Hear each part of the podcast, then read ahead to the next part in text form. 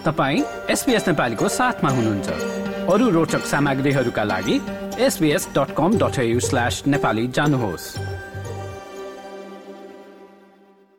आजभन्दा छयालिस वर्ष अघि अस्ट्रेलियामा भएको एक हृदय विधारक रेल दुर्घटनामा मारिएकाहरूप्रति प्रधानमन्त्री एन्थोनी एल्बनिजीले सम्झना गरेका छन्। सन् उन्नाइस सय सतहत्तरमा ग्रान्डभिलमा भएको एक भयानक रेल दुर्घटनामा परेका परिवारजन सरोकारवाला र सरकारका प्रतिनिधिहरूले उक्त घटनामा मारिएकाहरूप्रति सम्झना गरे। न्यू साउथ वेल्सको ब्लू माउन्टेन्स क्षेत्रबाट सिटीका लागि हिँडेको रेल ग्रान्डभिल नजिकै दुर्घटनामा पर्दा चौरासी जनाले ज्यान गुमाएका थिए भने दुई सय जना भन्दा बढी मानिसहरू घाइते भएका थिए। For the people boarding train number 108 on the morning of 18th of January 1977, It was, of course, just another day, beautiful in its ordinariness. That morning they walked out of their front doors, in all likelihood barely given even a thought to how, like clockwork, they would return home that evening. It wasn't to be.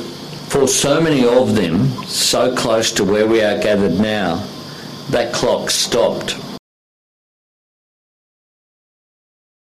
उक्त दुर्घटनामा मारिएका चौरासी जना मध्ये एकजना गर्भमै रहेका बालक पनि थिए जसको गन्ती सन् दुई हजार सत्रमा मात्र गरिएको थियो। आफ्नो मन्तव्यपछि मृतकहरूको सम्झनाका लागि बनाइएको स्तम्भ पर्खालमा प्रधानमन्त्रीले फूलको गुच्छा चढाए। ज्यान गुमाएका र घाइतेहरूको सम्झनामा प्रत्येक वर्ष कार्यक्रमको आयोजना गरी रेलवे ट्र्याकमा चौरासीवटा फूलका थुङ्गाहरू चढाइन्छन्। ज्ञानभिलमा भएको उक्त दुर्घटनामा सरोकारवालाहरूले एक संघको निर्माण गरेका थिए।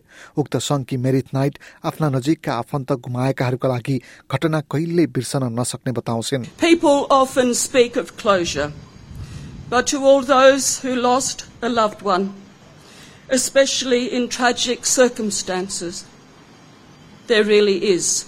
रेल दुर्घटना लगत्तै फर्स्ट रेस्पोन्डरका रूपमा घटनास्थलमा पुगेका प्यारामेट्रिक भेरी गोबे त्यति बेला घटनाको पुष्टि हुन नसक्दा मानिसहरूले यसलाई झुट सम्झिएको र उद्धारका लागि ढिलासम्म पनि कोही नपुगेको सम्झना गर्छन्।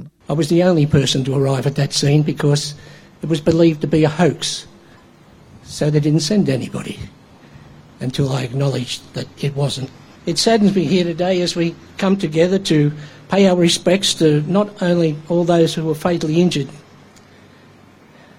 in this preventable Granville train disaster of 1977, but to the relatives and friends who still घाइते एवं ज्यान गुमाएकाहरूको सम्झनामा प्रधानमन्त्री सरकारका पदाधिकारी र घटनासँग प्रत्यक्ष जोडिएका परिवार एवं उद्धारकर्ताहरू एकै ठाउँमा भेला भएर गहिरो समवेदना प्रकट गरे। घटनामा घाइते भएका एकजना यात्रुलाई पन्ध्र घण्टासम्म नर्सिङ सेवा दिँदा पनि बचाउन नसकेको पारामेडिक स्कटी म्याकनली स्मरण गर्छन्। विगत छयालिस वर्षदेखि उनको अन्तिम संस्कार गरिएको सिमेट्रीमा प्रत्येक वर्ष पुगेर फूल चढाउने गरेको उनी बताउँछन्।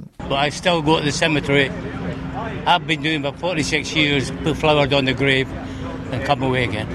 You know, I've been doing it for 46 years and I'll keep on doing it. म्याकनलीले दुर्घटनालाई नजिकबाट निहालेपछि जीवनमा आफूले कहिले रेल नचढेको बताए Well, I haven't been on the train for 46 years. I don't go on trains. I keep well away from them. Not because of that, but I just don't go on trains. It's where I am.